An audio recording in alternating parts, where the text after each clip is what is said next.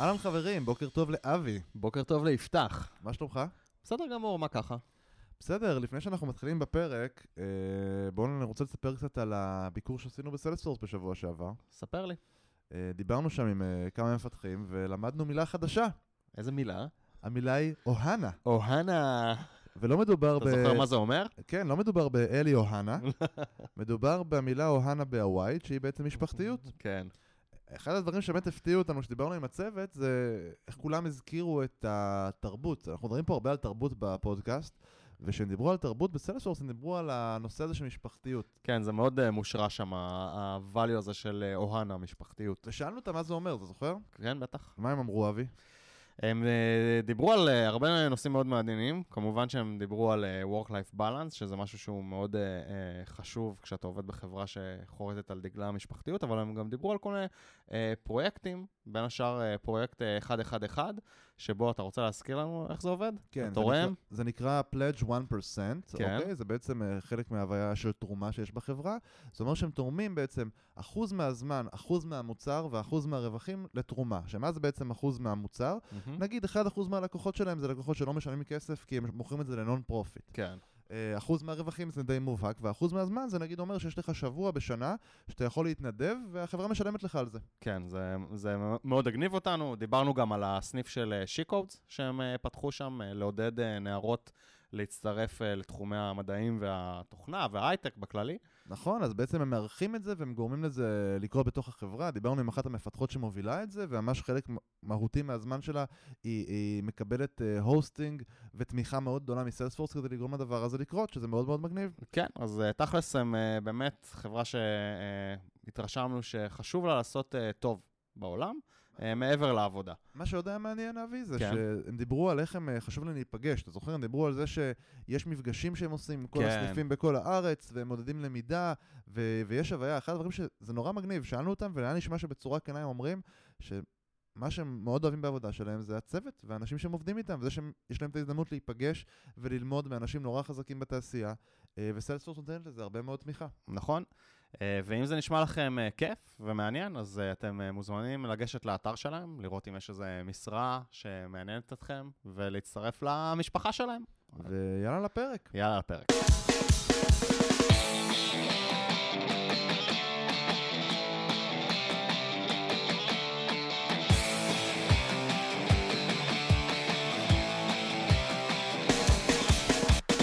בוקר טוב, ברוכים הבאים למפתחים חסרי תרבות. הקבוצה, ההסכת. הקבוצה, אוקיי.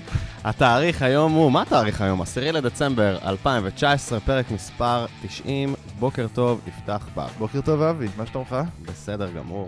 ובוקר טוב לעודד גולן. אהלן, מה נשמע? בסדר גמור. אה, תשמע, זה מאוד מרגש הפרק הזה, אה, כי אבי ואני מדברים כבר הרבה מאוד זמן על סדרת השכר וה... והתנאים שאנחנו רוצים לעשות. מאני, מאני.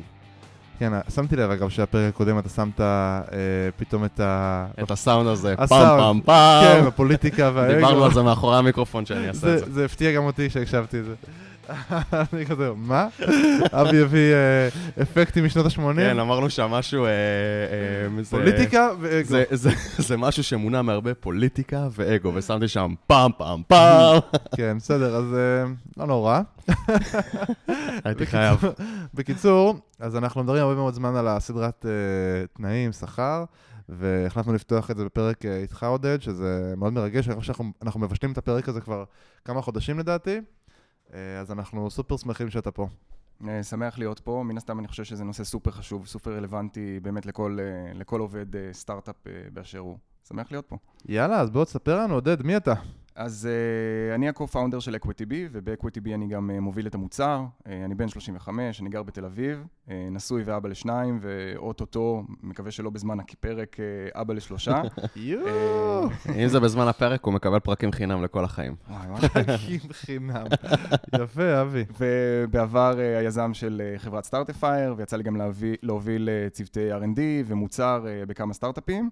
Uh, ואולי uh, באמת מה שאני מחשיב, השיא של הקריירה שלי זה העובדה ששירתי עם מפתח uh, ביחד בצבא. אוי, איזה ממש... כל הזמן אתה מביא לפה מה- חברים שלך. מה זה שיא הקריירה? שטויות. סבבה. אז, אז, אז על מה אנחנו הולכים לדבר היום? אה, אז היום אנחנו הולכים לדבר על אופציות בסטארט-אפים. מגניב. ומה מה הוויפים? אה, אז מה זה בכלל אופציות? למה חשוב להבין את הפרטים? אה, מה המושגים שחשוב להכיר בעולם הזה? אה, זה גם בעצם איזשהו מבנה שהרבה פעמים יש בו חוסר שקיפות וחוסר מידע, ואיך להתמודד עם החוסר מידע הזה והאסימטריה שקיימת בתחום. ויש גם, גם הרבה שאלות שראיתי שעלו בקבוצה של מה מקובל לתת, מה הסטנדרט, אה, ואני חושב שבאמת אפשר להגיע פה למצב, גם בין העובדים וגם בין החברות, למצב של ווין ווין, ואני חושב שננסה לתת את, ה- את הכיוון ומה הדרך הנכונה אה, להגיע לשם. אה, ועוד משהו זה גם מה חשוב לדעת כשמצטרפים לסטארט-אפ, מה חשוב לדעת בתור עובד של סטארט-אפ. וואי, זה מידע סופר חשוב. זה כל כך כיף שאנחנו עושים את זה. כן, מעניין מאוד, אבל למה הבאנו דווקא אותך, עודד? אז זו שאלה שאתם קודם צריכים לשאול את עצמכם. אה, אבל אה, רגע ברצינות, אני חושב שדרך הפלטפורמה של EquityB אה, יוצא לנו לראות, לקבל פריזמה מאוד טובה על השוק הישראלי, לראות גם את המספרים, גם מה המצב בחברות, מה המצב ואיך זה נתפס על ידי העובדים, כי באמת עד היום יצא לנו לממן מאות עובדים.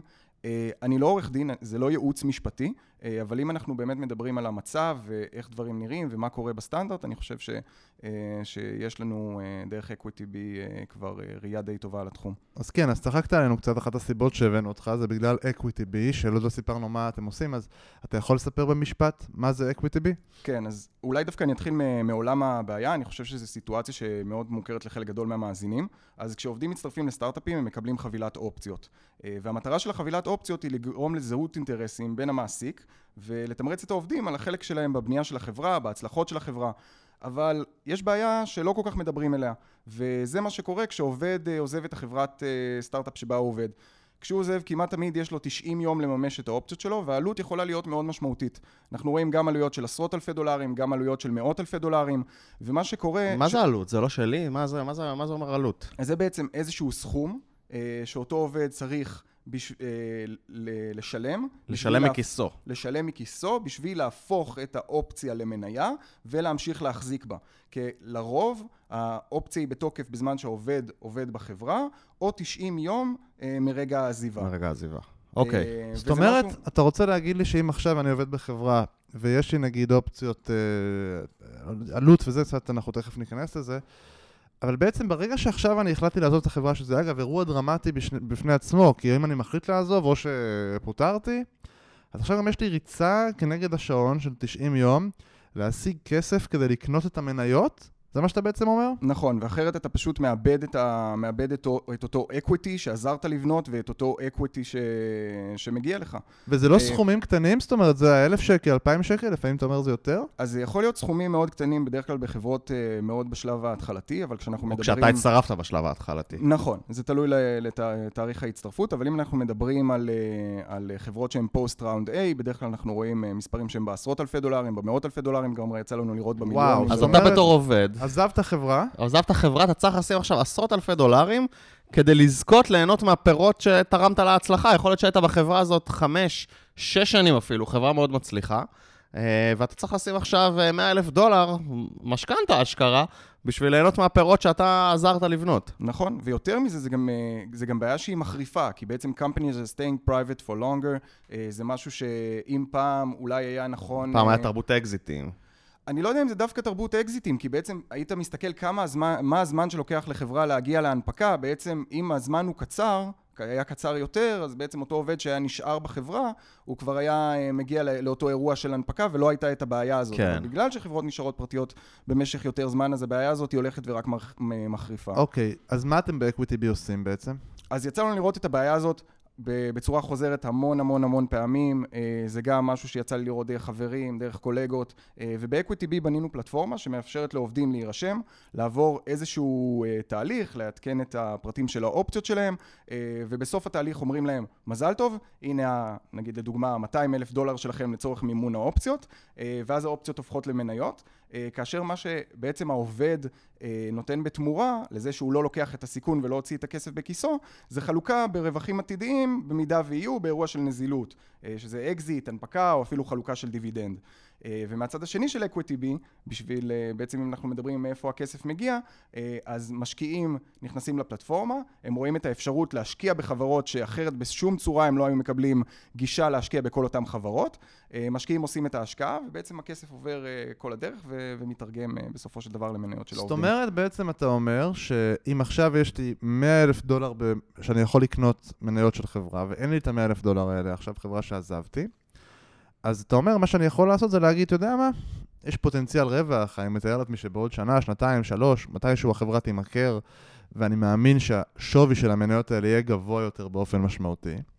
אני מאמין בחברה, אני רוצה לקנות את, המ, את, ה, את המניות שאני זכאי לקנות, את ה, לממש את האופציות ולהשקיע בחברה, פשוט אין לי את הכסף, אז אתה אומר, אני יכול למצוא מימון מגורם חיצוני, דרככם, ואז מה שאני כאילו מפסיד בזה, זה שבמידה ועכשיו יהיה אירוע אה, ואני, ארוויח, ואני ארוויח כסף, פשוט ארוויח קצת פחות כסף, כי בעצם הרווח יתחלק ביני לבין אותו משקיע. נכון, ואפילו יותר מזה, אני חושב שזה לא רק השאלה האם יש לך את הכסף. יש פה עניין של השקעה. בסופו של דבר, סטארט-אפים זה השקעה בסיכון מאוד מאוד גבוה, אולי הכי גבוה שיש. וגם אם יש לך את הכסף, לא בטוח שתרצה לקחת את כל הכסף שיש לך ולשים אותו על, אה, על, על חברה אחת. מניה אחת ספציפית, כן. שגם אין לך, למרות שעבדת שם, אין לך אה, את כל המידע, בדרך כלל, אם כן אתה חבר בהנהלה, אז הרבה פעמים אין לך שקיפות מלאה לתוך כל מה שקורה בחברה. נכון, רק שווה להגיד שאופציה, כחלק מהעניין, היא, היא הזדמנות... כי הזדמנות לקנות מניה בחברה במחיר שהוא הרבה יותר נמוך, מהשו... בדרך כלל מהשווי של החברה כרגע, לא נדבר על WeWork, ששם נגיד זה הפוך כרגע. נראה לי שהרצנו אה, מאוד מאוד קדימה. אה, בואו בוא נחזור אחורה. למה זה אופציות בכלל? מה זה אופציות? כאילו, אנחנו מדברים פה כבר איזה עשר דקות על אה, אופציות וזה, ויש לנו מאזינים שאולי הם שמעו את המושג אופציות, כנראה שיש להם אופציות, אם הם עובדים בסטארט-אפ, אבל הם לא יודעים מה המשמעות של זה. אוקיי, okay, אז, אז אופציות זה בעצם הכלי המקובל, הכלי הנפוץ להעניק לעובדים בסטארט-אפים equity. אה, בעצם ככה לתת להם, אה, לתת להם את הזכות ואת ה... בעצם לקחת חלק בהצלחה ובבניית הערך שקורית בחברה. מה זה equity? equity זה החזקות, אחוזים לפעמים אנשים קוראים לזה. אוקיי. Okay. החזקות ובעצם באותה חברה. ואופציה זה זכות. זה נייר שנותן לעובד את הזכות לקנות מניה בתנאים מסוימים במחיר מסוים. אותו מחיר נקרא exercise price. האופציה הזאת היא בתוקף בזמן שהעובד עובד בחברה, או כמעט תמיד, 90 יום מרגע העזיבה ש... של אותו עובד את החברה. אה, אולי אפילו אה, ניכנס יותר לפרטים. רגע, יש... אתה יכול להגיד רק מה זה ה-exercise price שהזכרת? מה זה אומר? אז לצורך העניין, אם אתה אה, הצטרפת לחברה, אומרים לך, מזל טוב, בבקשה, הנה אלף, אלף אופציות. כל אופציה, ש... המחיר מימוש שלה, אותו exercise price, הוא 10 דולר, וזה אומר שבשביל להפוך את האופציה למניה, לממש אותה, תצטרך לשלם 10,000 דולר. אז אני חושב שכאילו, זה הסיבה שזה נקרא אופציה, כי זה נותן לך אופציה לקנות מניה במחיר שהוסכם מראש, שבתקווה הוא יותר נמוך ממה שהמחיר של המניה יהיה בעתיד, אבל אין לך את המניה הזאת עכשיו ביד, יש לך אופציה, זכות אה, לקנות אותה. אתה מקווה שעכשיו קיבלת אופציה שעולה לך 10 דולר להפוך למניה, ועוד אה, 3 שנים, 4 שנים היא תהיה שווה 100 דולר. בדיוק. ואז הרווחת על כל אה, אופציה כזאת 90 דולר בעצם. שמת 10, קיבלת 90 חזרה. עודד, אתה הכנת גם דוגמה אחת מראש, פשוט אבי עכשיו הנפיץ את מספרים וזה היה אחלה, אבל אה, סליחה. אני רוצה פשוט שזה יהיה מאוד מדויק. אז הדוגמה שאתה, בוא נעבור עליה רגע. אוקיי, okay, טוב, מן הסתם זו דוגמה מאוד דומה ופשוטה, אבל נניח שעובד הצטרף לחברה וקיבל 100 אה, אלף אופציות במחיר מימוש של דולר. אה, עברו ארבע שנים, החברה נמכרת לפני, לפי שווי של אה, עשרה דולר למניה, אז אותו עובד יקבל על ההחזקות שלו בעצם מיליון דולר, מתוכם הוא קודם כל ישלם 100 אלף דולר, את אותה עלות מימוש, ולאחר מכן יישאר לו 900 אלף דולר אה, לכיס של העובד לפני מס. לפני מס, כן, אוקיי, זה גם, תכף נדבר על כן, המסים. כן, נדבר על זה אחר כך. סבבה, מגניב. עכשיו, זה באמת מה שקורה, המידה, כמו שאתה אומר, והחברה קרא לה... יש, יש אגב, בוא נדבר על האירועים האלה שבהם אני נפגש רגע עם הכסף. כי עכשיו תיארת סיטואציה, יש אופציה, האופציה היא לקנות מניה, וזה מה שנקרא happy case. כי במקרה כזה אני עובד בחברה במשך ארבע שנים, והחברה נמכרת תוך כדי שאני עובד בחברה, ואז בעצם אני לא באמת מוציא כסף מהכיס שלי, נכון? כי מה שקורה בפועל זה אני כביכול קונה ובאותו רגע מוכר. בדיוק. ואז אני פשוט ישר מרוויח את ה-900 אלף דולר האלה שדיברנו, וזה מקרה שבו לא צריך להוציא כסף מהכיס, נכון? יש עוד מקרים שבהם זה קורה, מקרה שבו החברה מונפקת בבורסה, נכון? החברה הופכת להיות פומבית, בעצם מעמידים את החלק מהמניות של החברה למכירה לציבור, וגם שם יש את ההזדמנות בעצם גם לקנות את המניות ומיד למכור אותן, נכון? זאת נכון. אומרת, זה גם מדויק מה שאמרתי. מגניב. עוד מקרה אחרון, שבו אני יכול בעצם גם להיפגש עם הכסף, זה מקרה שנקרא secondary. מה זה אומר? זה אומר שאיזשהו מישהו פרטי החליט, לא, החברה לא עשתה מכירה, החברה לא עשתה איזשהו... מישהו החליט, בדרך כלל כחלק מסיבוב השקעה שהוא מאוחר יותר, שהוא רוצה לתת גם הזדמנות ולקנות חלק מהמניות של העובדים בחברה. זה תלוי מאוד ביזמים וב, ובחברה, והם יכולים בעצם להציע לחלק מהעובדים עכשיו למכור חלק מסוים מהאופציות שלהם, ובעצם להיפגש עם הכסף כבר עכשיו, למרות שהם ממשיכים לעבוד בחברה וממשיך להיות להם עוד אופציות, ואז אתה יכול נגיד למכור חצי או שליש או איזשהו סכום מסוים מהאופציות שיש לך, וזה גם הזדמנות להיפגש עם הכסף. ובעצם אין זה לזה לפזר downside. סיכונים קצת. נכון. הדאונסייד של זה זה שיכול להיות שאתה לא תממש את מלוא הפוטנציאל של הסטארט-אפ. אני מתכוון, אתה לא צריך להביא כסף מהבית. לא צריך להביא דאונסייד. זה משחק אחר, פה אנחנו כן. מדברים, זה מקרים שבהם זה כאילו המקרים מה אם אתה. פשוט מרוויח כסף בלי להוציא אה, אגורה מכיסך? וזה מה שמוכרים לנו כשאנחנו הולכים לסטארט-אפים. כן. מספרים לנו סיפורים כאלה, נכון? נכון. אגב, אני חייב להגיד שגם דברים שלא תמיד רואים בעיתון, וזה כן עוד משהו שיצא לנו לראות באקוויטי בי, זה שהדברים האלה קורים הרבה יותר ממה, ש... אה, ממה שלפחות אנחנו חשבנו. בעצם, אני חושב שזה חלק מההתפתחות של ה ecosystem פה. אה, יש פה חברות, אה, חברות כבר unicorns שצמחו ו... ומאוד יפות, ובאמת יש אירועים של secondaries שלא מפורסמים אה, בשום מקום, שעובדים פוגשים כסף. יש לפעמים דיבידנדים, זה גם משהו ש... שאנחנו רואים שקורה.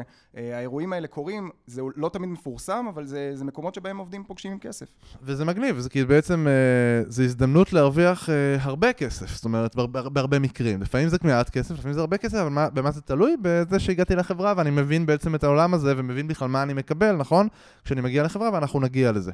אני אפילו אוסיף על זה, זה חלק מזה, בתור עובד בסטארט-אפ, וזה כל היופי, אתה גם עוזר לבנות את הערך הזה, אז אתה נכון. בעצם יצרת את, זה, ה... את בעצם, המקום זה, הזה. בעצם זה התמריץ שלי, זה התמריץ שלי ל, ל, בתור עובד בסטארט-אפ, ואנחנו נדבר על זה בהמשך, יהיה לנו גם אה, דיון, אה, אה, לא היום, בפרק אחר, על אה, שכר בסטארט-אפ לעומת שכר בחברה גדולה, והרבה פעמים לפעמים אני מתפשר קצת על השכר בסטארט-אפ בתמורה לאופציות, וזה בעצם ה...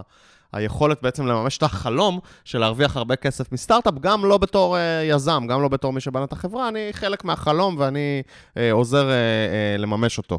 אה, זה הסיפור לפחות שמספרים לנו. זה הסיפור שמספרים לנו. תכלס, מה מונע ממני אה, כאילו להגיע לסטארט-אפ ואחרי חצי שנה לעזוב עם כל האופציות שקיבלתי במעמד אה, החוזה, וללכת לסטארט-אפ אחר, גם לעשות חצי שנה, וככה לאסוף לי הרבה אופציות בסטארט-אפים, ואחד מהם יצליח ואני אהיה מיליונר. אז, אז אולי באמת אה, נדבר על עוד כמה מושגים אה, ו- ודברים שקורים בפועל. אז עוד משהו שיש, זה כשמוענקים אופציות, זה וסטינג, אה, הבשלה של, ה- של האופציות.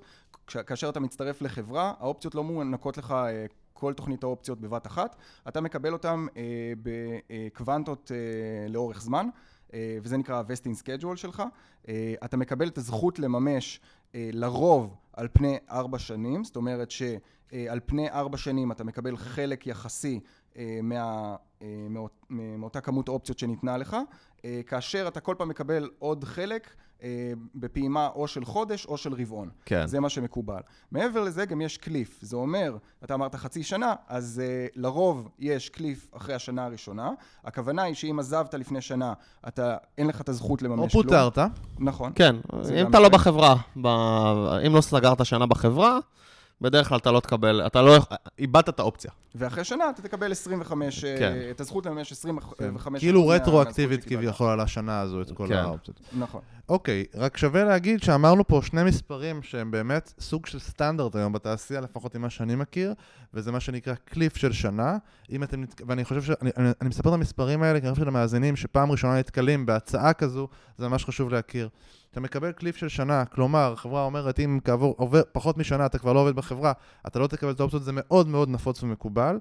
ניתן לשנות את זה למשא ומתן בחלק מהמקרים, ניתן, אבל זה מאוד מאוד סטנדרט ומקובל, ולרוב ה vesting הוא על גבי ארבע שנים, אוקיי? לפעמים זה שלוש, לפעמים זה חמש, ראיתי כן. כל מיני מקרים, אבל אני חושב שהסטנדרט המקובל בתעשייה היום הוא בערך ארבע שנים. נכון. כן, נכון, זה גם מה ו- שאני מכיר. זה נכון מאוד, ועוד משהו שיוצא כתוצאה מזה שזה ארבע שנים, בעצם אה, בתור סטארט-אפ אתה אף פעם לא רוצה שיהיה איזשהו תמריץ אה, לא, לא, לאותו עובד או עובדת אה, לעזוב. אז מה שקורה גם בהרבה חברות זה שכל שנתיים ניתן איזשהו מענק רענון. בעצם ניתנת עוד חבילת אופציות בשביל לשמר את אותו אינטרס של, ה, של העובד. החבילת. אופציות בדרך כלל, שגם, שניתנת כעבור כמה שנים, היא גם חבילת אופציות שניתנת לארבע שנים. זאת אומרת שאתם מקבלים פתאום עכשיו מהמעסיק שלכם, בדרך כלל, החלטנו להעניק לך פי שתיים מהאופציות, צריך לזכור שזה בא עם איזשהו אה, דודה כזאת שאומרת, זה על גבי ארבע שנים. וזה אוקיי? בסדר, כי אופציות, איך שאני רואה את זה, אה, אה, ב- בתור אה, דווקא אה, מנהל שרוצה לתמרץ את העובדים שלו, אופציות זה, זה משהו, זה כלי לח- ל- לשימור עובדים ל- לטווח אני וזה מסכים. בסדר. הדבר אחד שאני כן רוצה לטיפ למאזינים במשא ומתן, כמו שאתם יודעים שאני מאוד אוהב. כשאתם מקבלים אופציות בשלב יותר מאוחר בחברה, אה, שם יש, אפשר לעשות הרבה יותר משא ומתן על ה cliff, אוקיי? אני ראיתי אנשים שמקבלים אופציות נגיד אחרי שהם שנתיים או שלוש בחברה, נגיד אני שנתיים בחברה, כבר יש לי אופציות, ועכשיו פתאום החליטו לתת עוד מענק, עוד עשרת אלפים אופציות פתאום, כן. על גבי ארבע שנים. שזה בסדר, ה vesting על גבי ארבע שנים, אבל לפעמים יש לאופציות האלה גם קליף. זה כאילו באים ואומרים לך עכשיו, אחרי שאתה כבר שנתיים או שלוש בחברה, אנחנו נותנים לך את זה, אבל תזכור שאתה הולך לקבל את זה רק אם תישאר פה עוד איזה שנה, אוקיי? זה בעצם הקליף, וזה זה משהו שאפשר הרבה יותר להתווכח עליו, כי הקליף בהתחלה הוא קליף שהרבה יותר הגיוני שחברה נותנת, כי היא אומרת, אני מקבלת עובד, עשינו כמה רעיונות, אני לא בדיוק מכירה מי אתה, לא בא לי עכשיו שאנחנו נהיה בקשר ויהיה לך מניות בחברה אם יעבור מעט מאוד זמן. אבל אם אתה כבר שנתיים או שלוש בחברה ואתה עכשיו רוצים לתת לך איזשהו סוג של בונוס, אפשר להתווכח על הקליף הזה בכל by מיני דרכים. definition, אם נתנו לך אופציות אחרי שאתה שנתיים שלוש בחברה, רוצים לשמר אותך, by definition. כן, אבל אפשר להגיד שלשמר אותך זה לשמר אותך לעוד שנה ולתת לך תמריץ נכון, נכון, נכון, אני מסכים. כן, אפשר, אפשר לגמרי להתמקח על זה, גם לא תמיד, לא תמיד יש קליף, יש חברות שאין בהן קליף. לא אה, תמיד, לא ב- תמיד. ב- ב- או- במענק השני. ממש לא תמיד, אני רק נותן פה טיפ כן, למקום. להסתכל עליו כשאתם כן, מקבלים העלאה. בחברה, זה אחלה טיפ. אה, או אה, מענק של אופציות. אוקיי, אז אני, אז בואו בוא, בוא נבין כאילו איך זה, איך זה נראה. אני מתמיין עכשיו לסטארט-אפ, אני מדבר על תנאי העסקה, מי, מה, מו, תסביר לי איך זה עובד, הסיפור הזה של האופציות. אז פה אתה מגיע, ל, אתה מגיע למעסיק, ופה יש איזושהי נקודה של באמת פער אינפורמציה מטורף בין המעסיק לאותו עובד. כי באמת עובדים מגיעים הרבה פעמים ממקום של חוסר ידע, אה, ומסתכלים על, ה, על אותם אופציות או על הדבר הזה שניתן להם כאיזשהו משהו חסר ערך או שלא מעניין אותם, ואני חושב שזה סופר חבל. כן. אה, כי באמת, אה, אם בניתם והצטרפתם לחברה הנכונה, יכול להיות פה מדובר באירוע שהוא משנה חיים. אה, ויש פה קשת מאוד רחבה של מעסיקים. אז יש את המעסיק שאומר לעובדים, אה, הנה קיבלת אה, 500 אופציות וזה טוב. אה, אז זה נקודה להגיד שאין משמעות למספר האופציות. כן. אוקיי? 500 אופציות ו-5,000 אופציות יכולות להיות בדיוק את אותו דבר, אותו דבר, עם אותה משמעות, זה תלוי כמה אה, סך הכל... אה, אז מה אני צריך לשאול? כמה, כמה אחוזים קיבלתי? כי גם זה כשאתה שואל, יגידו לך שאין לזה משמעות, כי יהיה כל מיני אירועים. נכון, אז, אז יש פה איזושהי קשת בעצם, יש את המעסיק שגם אומר, הנה, קיבלת 0.2 אחוז וזה מדהים, לך תקרא בקוורה. אה, יש את המעסיק, וזה הדבר שאני חושב שהוא הדבר הנכון, וזה גם מה שאנחנו אה, מנסים לעשות ב-Equity אה, שזה לתת באיזושהי שפה פשוטה פירוט עם התרחישים האפשריים למפגש של העובד עם הכסף. בעצם בכל אחד מהתרחישים, אם החברה נמכרת או מונפקת ב-100 מיליון דולר, בחצי מיליארד דולר, במיליארד דולר, מה המשמעות הכספית עבור, עבור אותו עובד, תחת ההנחות, כמובן שהן באמת הנחות של איזה דילולים היו בדרך. דילולים ומה- זה, זה רק במילה? דילולים זה אירוע ש, של גיוס של עוד כסף, שבעצם בו, אה, איך, איך מתארים את זה? בעצם הוקצו, הוקצו עוד מניות. הוקצו עוד מניות, ו, ובעצם האחוז שלך מהעוגה קטן. בעצם דילול זה סיבוב גיוס. ככל שיש יותר סיבובי גיוס, התרחישים האלה עלולים להשתנות בהתאם. כן. נכון, אז זה, זה גם משהו שאנחנו רואים, שמעסיקים נותנים את זה ל- לעובדים, וזה משהו שאני חושב שהוא נותן insight הרבה יותר טוב לעובד, מאשר סתם להגיד כמה אחוזים. אה, יש גם אגב מעסיקים, וזה גם משהו שזה ממש לא הרוב, אפשר לספור אותם על יד אחת, וזה בדרך כלל חברות מאוד גדולות, אבל שממש כמו בחברה ציבורית, יש להם מערכת שמראה לעובד אה, מה השווי בכל זמן נתון אה, לפי הסיבוב האחרון של המניה, ומה ממש המשמעות הכספית, המשמעות הכספית של, של האופציות עבור אותו עובד. אז מה אני צריך בתור עובד לעשות בשיחה הזאת? מה אני צריך לשאול? על מה אני צריך לדבר? אז מה שחשוב זה, לפני שאנחנו ממש מדברים על הפרטים הטכניים, זה לבחור נכון גם את החברה, אה, גם את היזמים, כי יש דברים שהם לא בשליטה של העובד, כמו שאמרנו, יש פה פער של אינפו- אינפורמציה. חשוב להצטרף לחברה שאתם מאמינים בה ואתם חושבים שהיא תגדל ותיקחו חלק ב, ב, בגדילה שלה. ו, ויש כלים לעשות את זה.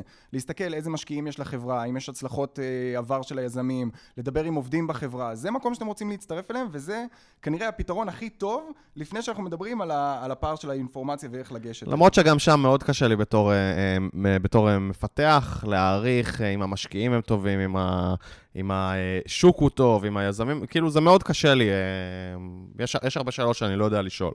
מה כן אני צריך לשאול בשביל לה- להבין מה זה המספר הזה שאומרים לי.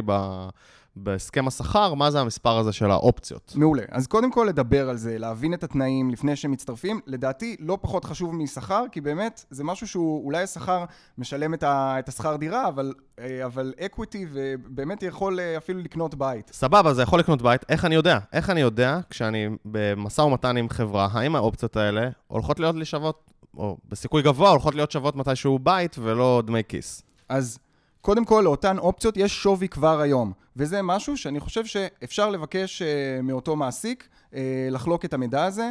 Uh, בעצם מה השווי היום, אם להיכנס לפרט הטכני פה, אז זה בעצם מספר האופציות כפול המחיר של, ה, של אותה מניה לפי הסיבוב גיוס האחרון, וזה השווי היום, וזה איזשהו משהו שאתה מקבל שיש לו ערך. רגע, רגע, רגע, שנייה. זה קצת... אה, זה כאילו, אני מבין את כל מה שאמרת, אבל זה נשמע לי קשה לעיכול. סיבוב גיוס, שווי. תן לי אולי אה, רספי, מה לשאול את המעסיק? איזה שאלה לשאול אותו כשהוא אומר לי, אנחנו נותנים לך 500 אופציות וזה הרבה. מה המחיר פריפרד לפי הסיבוב גיוס האחרון? וואה, מה המחיר פריפרד לפי הסיבוב גיוס האחרון? מה זה אומר? מה זה אומר?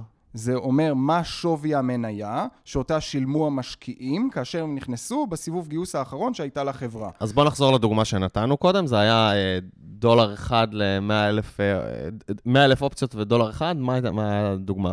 או בוא נד- בוא נזרום נדבר, עם זה, 100 אלף דולר ודולר אחד, בוא נניח 100 אלף אופציות ודולר אחד, נכון. כאילו אני מקבל 100 אלף, אה, אומרים לי אתה מקבל 100 אלף אופציות וכל אופציה שווה דולר אחד, אני שואל מה ה... עכשיו, מה המחיר פריפרד, מה ויכול המחיר להיות פריפרד, שהמשקיעים- ועונים לי המשקיעים שילמו על זה 2 דולר 2 דולר. למניה, אז מה ולכן זה אומר זה בשבילי? אומר שאתה קיבלת על פני 4 שנים משהו בשווי 200 אלף דולר. רגע, רגע, לא. רגע, מההתחלה, מההתחלה.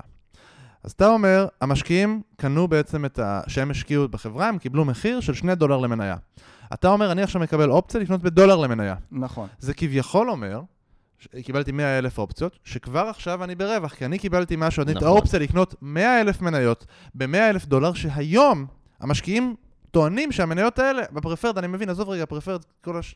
אז בוא נשים את זה רגע בצד, שהמשקיעים טוענים שזה שווה כבר היום סוג של 200 אלף דולר, זה כאילו קיבלתי, איך שנכנסתי, 100 אלף דולר. 100 אלף דולר. כאילו אז- קיבלתי אה, משהו בשווי 200 אלף דולר, ואני צריך, כדי לקנות אותו, אני צריך לשים 100 אלף דולר. זה נכון עם כוכבית, וחשוב לי שזה יהיה מדויק, כי בעצם אה, האופציות שאותו עובד קיבל הן מניות common, מניות עם פחות זכויות, אז הן כאילו שוות פחות, אבל בכל התרחישים על אופטימיים של הנפקה וכולי, המחיר common ית, יתקרב מאוד למחיר פריפרד, או יהיה שווה למחיר פריפרד, ולכן זה ישקף את השווי של סבבה, אז בוא החזקות. נפשט את זה, וזו הסיבה שאנחנו, אני רוצה לפשט את זה שוב לאנשים שלא מבינים. אז בוא נתעלם רגע מזה, אני מבין את ההערת כוכבית, אחלה. אז 100 ו-200 הבנו. עכשיו, זה למה זה, עוז- היום. למה זה השווי. עוזר לי? אז למה זה עוזר לי שאני מבין? אתה אומר, עכשיו אני הבנתי שאני קיבלתי אופציות בשווי של בערך 200 אלף דולר.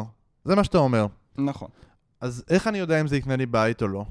אז קודם כל אתה רואה כמה זה שווה היום, ומה כבר קיבלת. אם קיבלת 100 אלף דולר פני 4 שנים, יש לך איזושהי יכולת להסתכל על המידע הזה. ח- חייבים, ועכשיו- חייבים להבין, קיבלתי 200 אלף דולר, אבל אני צריך לשים עליהם 100 אלף דולר. כאילו, בואו לא נשכח את זה. הדולר הזה זה מה שחשוב. בעצם, המחיר שאני ברווח כבר, זה כמה המניה שווה היום, וכמה האופציה שלי עולה. וההפרש ביניהם זה הרווח שלי. נכון. אז עכשיו מה נשאר לי להבין אם אני אוכל לקנות בית? אז עוד משהו שמאוד חשוב, וזה גם משהו שאפשר לבקש מה, מהמעסיק, זה איך נראה העתיד ומה מה נראה, אה, איך נראה התרחיש בעתיד. זאת אומרת, זה גם תלוי לאיזה סוג של חברה, באיזה שלב הצטרפתם. אבל אם סביר שהחברה אה, תימכר ב-500 מיליון דולר, מה זה אומר? מה זה משקף למחיר המניה? האם זה אומר שהמניה תהיה שווה בתרחיש הזה 10 דולר למניה, אז אתה יודע בדיוק על מספר האופציות שקיבלת, מה, מה, מה בעצם השווי שתקבל, מה, מה מ- הכסף שתקבל. אז יש בעצם שאלה נוספת שאתה אומר לשאול את המעסיק, והיא,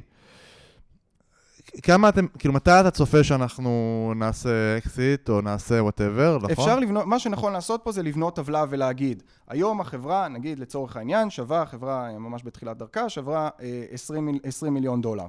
האם היא תימכר ב-100 מיליון דולר? כנראה שלא יהיה עוד סבב גיוס בדרך. מה אנחנו צופים שיהיה השווי, אה, השווי למניה אה, מה בעצם מחלקים ומבינים מה יהיה השווי למניה בתרחיש הזה, ואז אתה רואה בתור עובד מה המשמעות עבורך.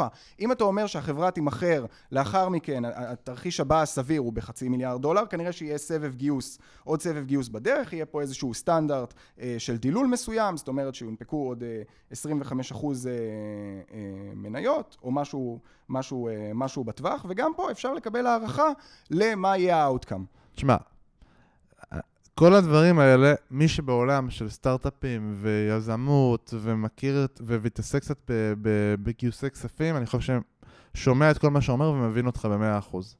לעובד הפשוט זה נשמע לי מסובך מדי.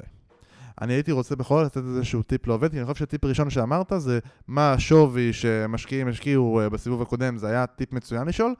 אני כן בכל זאת רוצה לנסות להבין את התרחיש, בלי שהמעסיק נותן את הטבלה ומסביר לי, כי אם המעסיק מסביר לי את כל הדברים שאמרת, אז אני אבין, זה אחלה. כן, זה לא, אבל, זה לא סטנדרטי. אבל לי, מה שעכשיו אמרת, מרגיש, אני חושב שלהרבה מהאנשים, כמו השיחה שלי עם סוכן ביטוח. זה מין שיחה כזאת שנותנים לי מלא מספרים, ובסוף אני יוצא בתחושה של נראה לי זה יהיה, בסוף אני בפנסיה, יהיה לי מלא כסף, אבל בואו ננסה לעשות את זה בצורה שאני ארגיש שאני מקבל החלטה שהיא שקולה, בלי שאני מבין ממש לעומק את כל הפרטים. אז נראה לי ש... יש פה בעיה של פער באינפורמציה, ובגלל זה אין מה לעשות, הפרטים האלה כן צריכים לבוא מהמעסיק. בואו אבל כן נ, נרדד את זה לשאלה מאוד פשוטה. מה ה outcome? הבנתי שקיבלתי 500 מניות, האם בבקשה אתה יכול לתאר לי אה, תרחיש של אקזיט סביר, ומה בעצם המשמעות עבורי תהיה?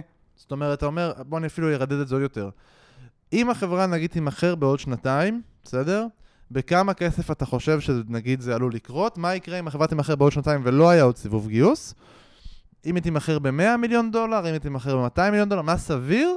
ובסיטואציה כזו, מה שווי המניה יהיה, נכון? זה כאילו השאלה שאתה רוצה לשאול. אפשר אפילו שאלה יותר פשוטה, מה המשמעות עבורי? אני מחזיק, כמו שאמרנו, 500 מניות, מה, 500 אה, אופציות, מה המשמעות עבורי? הפחד שלי, מה המשמעות עבורי, שמעסיק שבא ואמר לך, מלכתחילה, 500 אופציות, הוא לא מעסיק שיענה לך על השאלה הזאת בצורה שונה מסוכן הביטוח. הוא יענה לך בצורה מאוד וייג כנראה, כי הוא כנראה לא רוצה לחשוף את הפרטים האלה.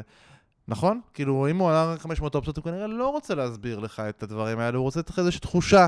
אני לא חושב שתמיד מדובר פה ברוע. בסופו של דבר, אה, לא, לא, רוע זה מילה גדולה, אבל נכון. באיזשהו uh, כוונת זדון, uh, שכזאת, uh, בשביל להסתיר את, אז את למה? המידע. אז למה למה אומרים ככה? אני יכול, אני יכול להגיד מה שאני מכיר? למה, למה לרוב מסתירים? לא. כן, okay. אוקיי. תגיד, נו. Uh, כי uh, מה שאני שמעתי הרבה פעמים זה ש... Uh, יש כל כך הרבה משתנים שהולכים להשפיע על המספר הזה, וקשה מדי להסביר את זה. אז זה לא משנה מה נגיד לך עכשיו, כי זה לא רלוונטי לעתיד. כי יהיה דילולים, ויהיה אה, גיוסים, ויש אירוע כזה, ויש אירוע אחר, וכל מיני דברים כאלה. אה, ולכן, אם נסביר לך את זה, אנחנו לא יכולים להתחייב על זה. אינפוט מעולה. זה נכון, יש פה מלא משתנים, אף אחד לא יודע שיהיה גיוס מוצלח, איך נראה גיוס מוצלח. אני חושב שכל המקרים פה מדברים על, ה, על התרחיש האופטימי, הוורוד, לאן כן. החברה הולכת, באמת, אה, באמת תרחיש של הצלחה. בכל תרחיש אחר אגב, כנראה ש... אה, כנראה שזה יהיה שווה הרבה פחות, יכול להיות גם שווה אפס.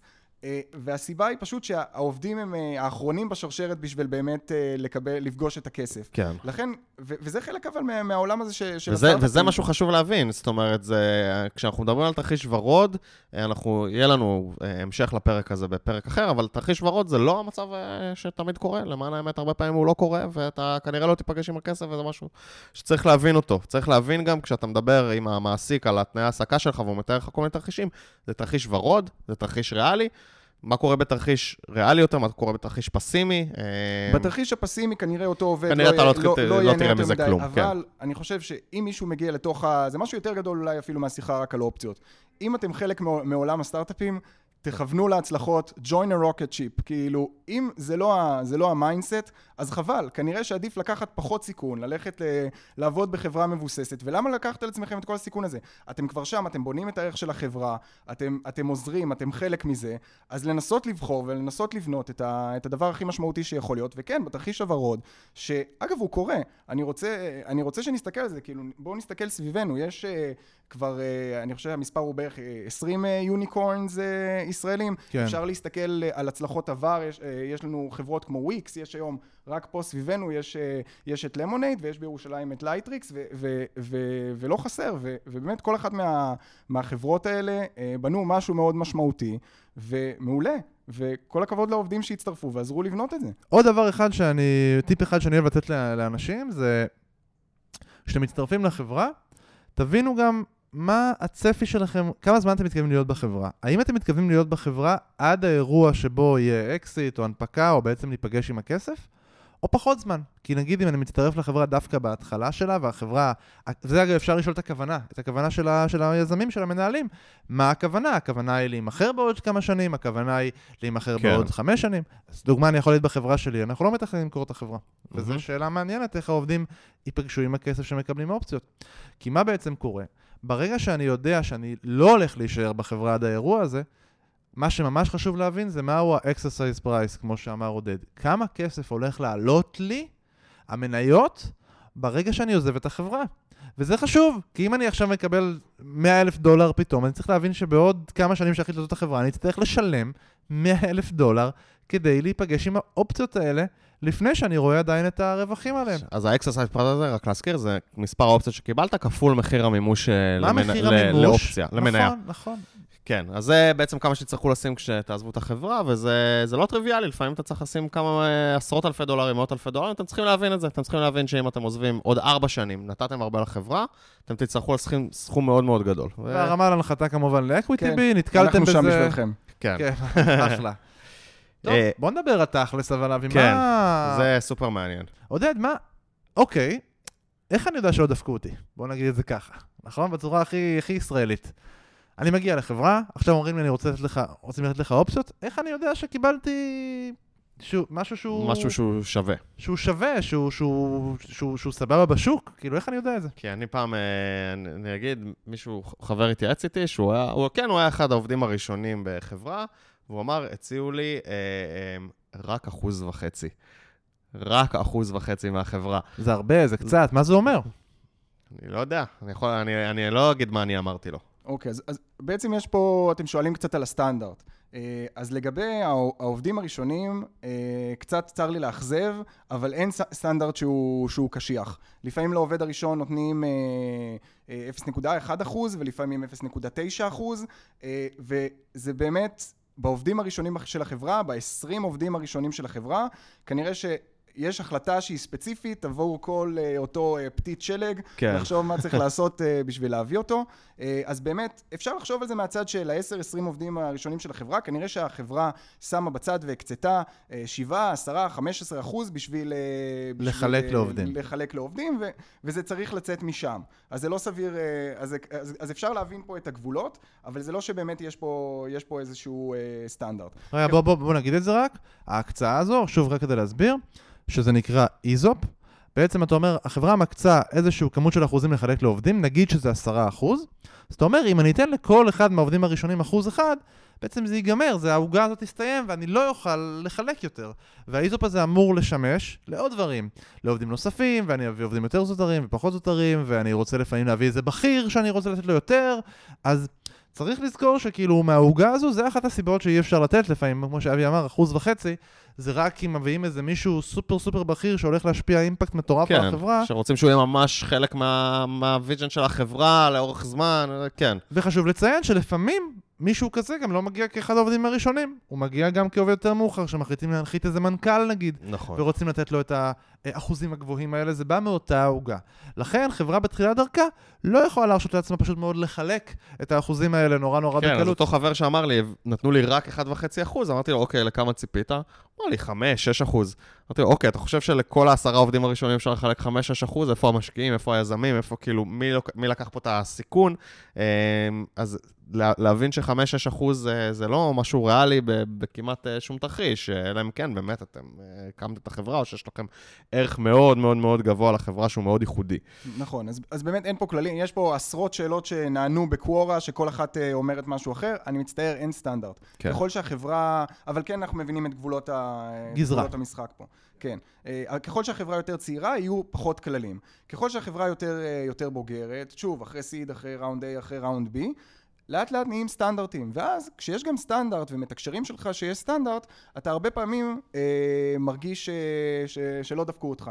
כי אומרים לך, תראה, יש אה, אצלנו איקס אה, אה, סוגים של, אה, של engineers, אה, אתה מבחינתנו, אתה senior key function, אה, ולכן אתה נופל אצלנו במשבצת הזאת, תדע שהבא אחרי זה, זה בכלל משהו שרק דירקטור מקבל, אז אחרי זה נוכל לדבר על זה. אז זה עוד איזשהו משהו, אתה מבין שלחברה יש איזשהו סטנדרט, ואתה יודע שכל מי שיושב אה, יושב איתך, והוא פחות או יותר ברמה המקצועית שלך, מישהו השקיע מחשבה, ואתה מקבל איזשהו סטנדרט.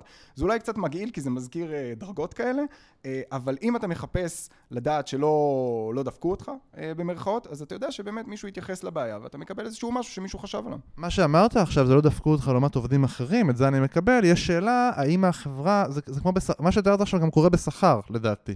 באיזה דרג אתה סיניור, ג'וניור וכולי. אבל השאלה שלי היא, איך אני יודע אם החברה עצמה היא חברה, נקרא לזה קמצנית באופציות, או חברה נדיבה באופציות, נכון? וכאילו, ובהקשר של, שוב, לעומת...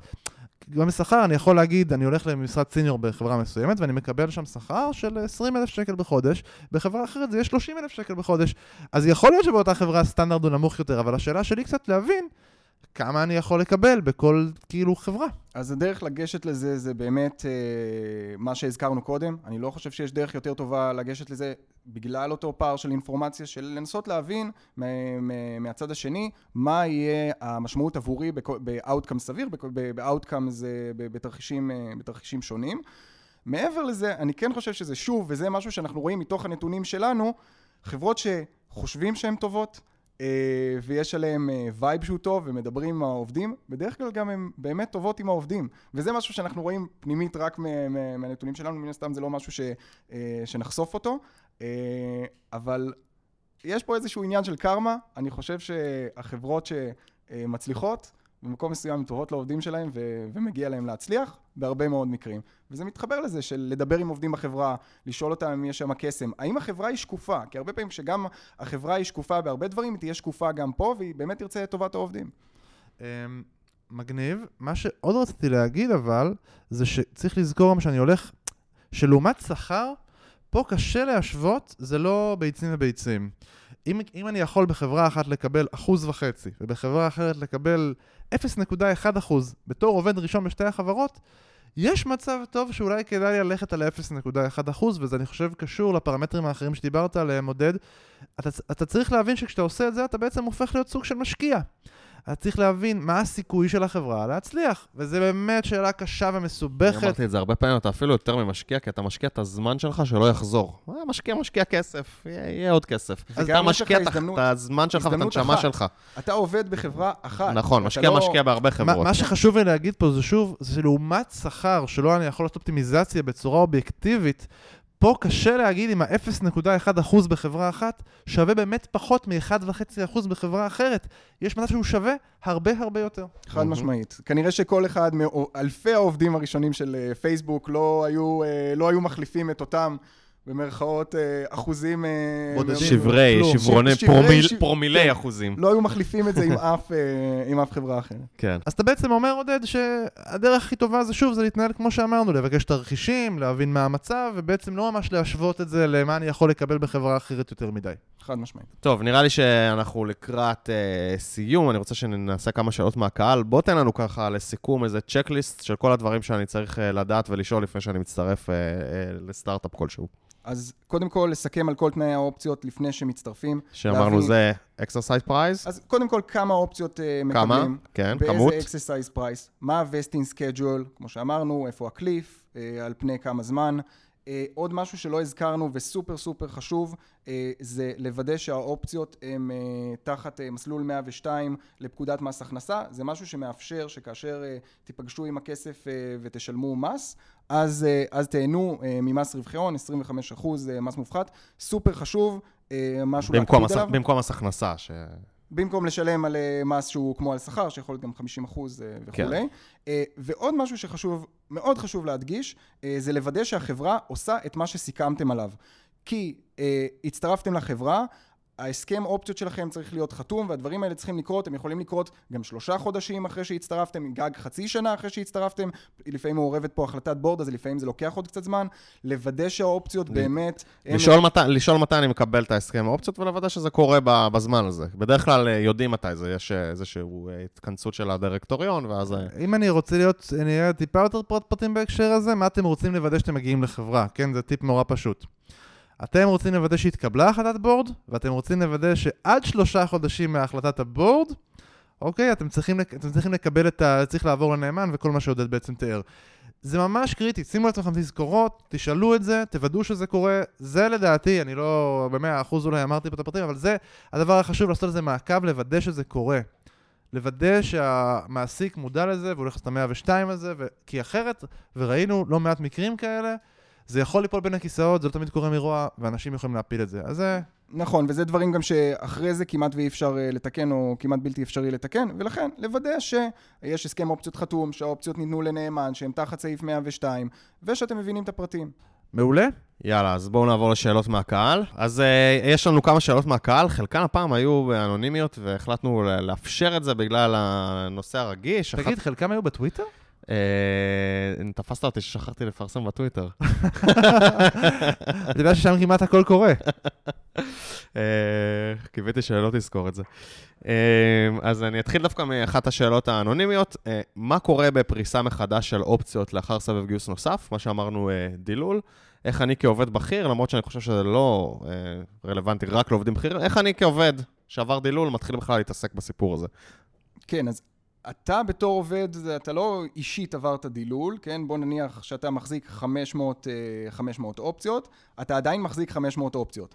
אם היה סיבוב, יכול להיות שהוקצו עוד מניות, אבל בסיבוב טוב, אה, בסיבוב סיבוב בריא, המחיר של המניה פשוט עלה. זה אומר שאתה עדיין מחזיק 500 ו- לפני וגם אחרי, ופשוט הערך של מה שאתה מחזיק ביד עלה. אבל האחוז שלי מהעוגה אה, קטן, נכון? זה, זה הסיפור. בגלל נכון. זה זה מטריד הרבה אנשים. אני נכון, חושב שזה, לא מעניין. אני חושב שזה מה, ש, מה שחשוב, באמת, אה, זה מיתוס ששווה לנפץ.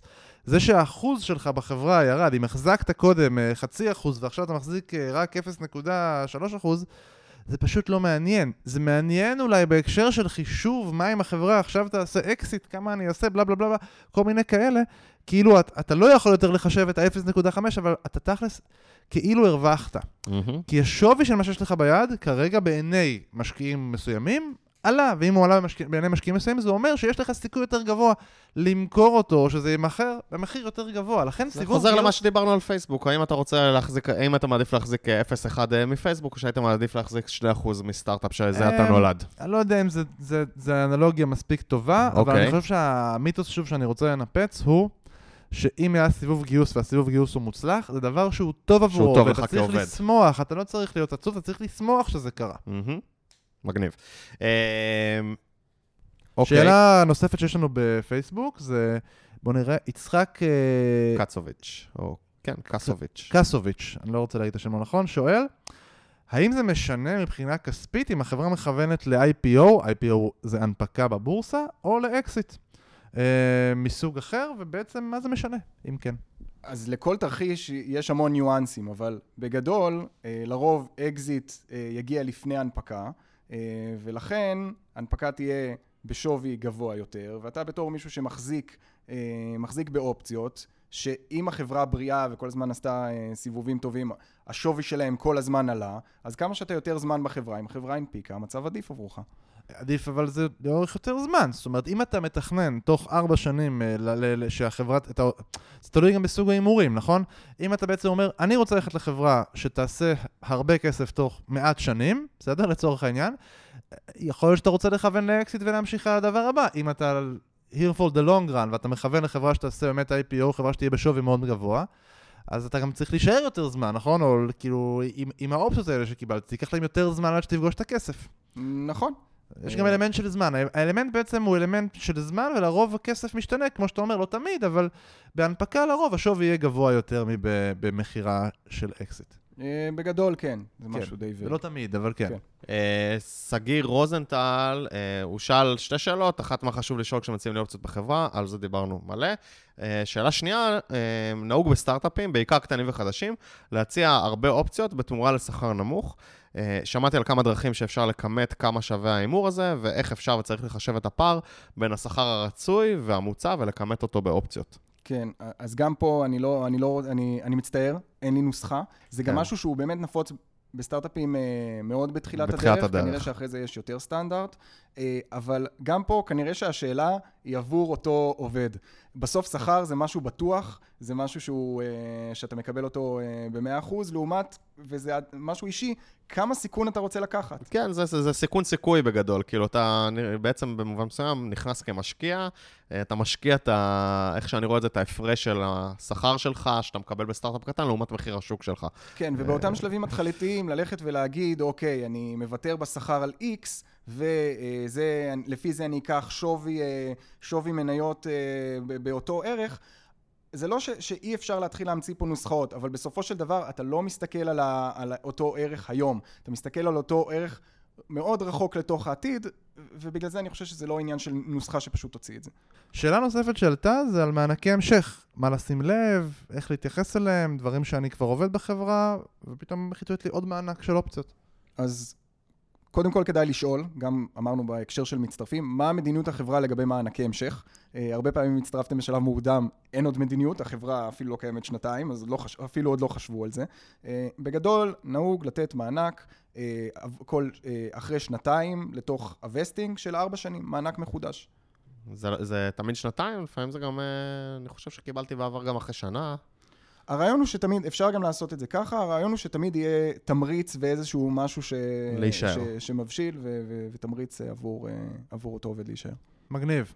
הייתה לנו עוד שאלה שנשאלה. הייתה לנו שאלה שנשאלה ונמחקה, אז... אה, אני אנסה לנסח אותה, אבי, תעזור לי אם אני טועה אה, פה. יש לי את הניסוח אה, שלה, כי שלחנו אז שלה בקבוצה, אני פשוט לא אגיד את השם של מי שכתב את זה, כי כנראה הוא החליט למחוק את זה. אז תשאל אתה את השאלה. השאלה הייתה, הכותרת שלה, אולי הענקות אופציות זה כבר רעיון גרוע, וההמשך היה, אולי פשוט עדיף לעשות חלוקת בונוס שנתי או חצי שנתי, ואז הייתה- היה תתי שאלות, מה קורה אם חברה נעולה על שכר נמוך והענקת אופציות, ולא מוכנה באמת להבין שאנשים באים להתפרנס ולא לחיות בחלומות, זה קצת מתקשר לשאלה של אה, שגיא. אז... אה, וגם השאלה האחרונה, כמה אנשים אה, שקיבלו אופציות באמת מימשו אותם ב-30 שנות הייטק. אז השאלה האם אופציות, ונראה לי שזו השאלה שתסכם את הפרק הזה, האם אופציות זה סתם חלום, לי בתור עובד? טוב, אז היו פה כמה שאלות ב- בתוך הדבר הזה.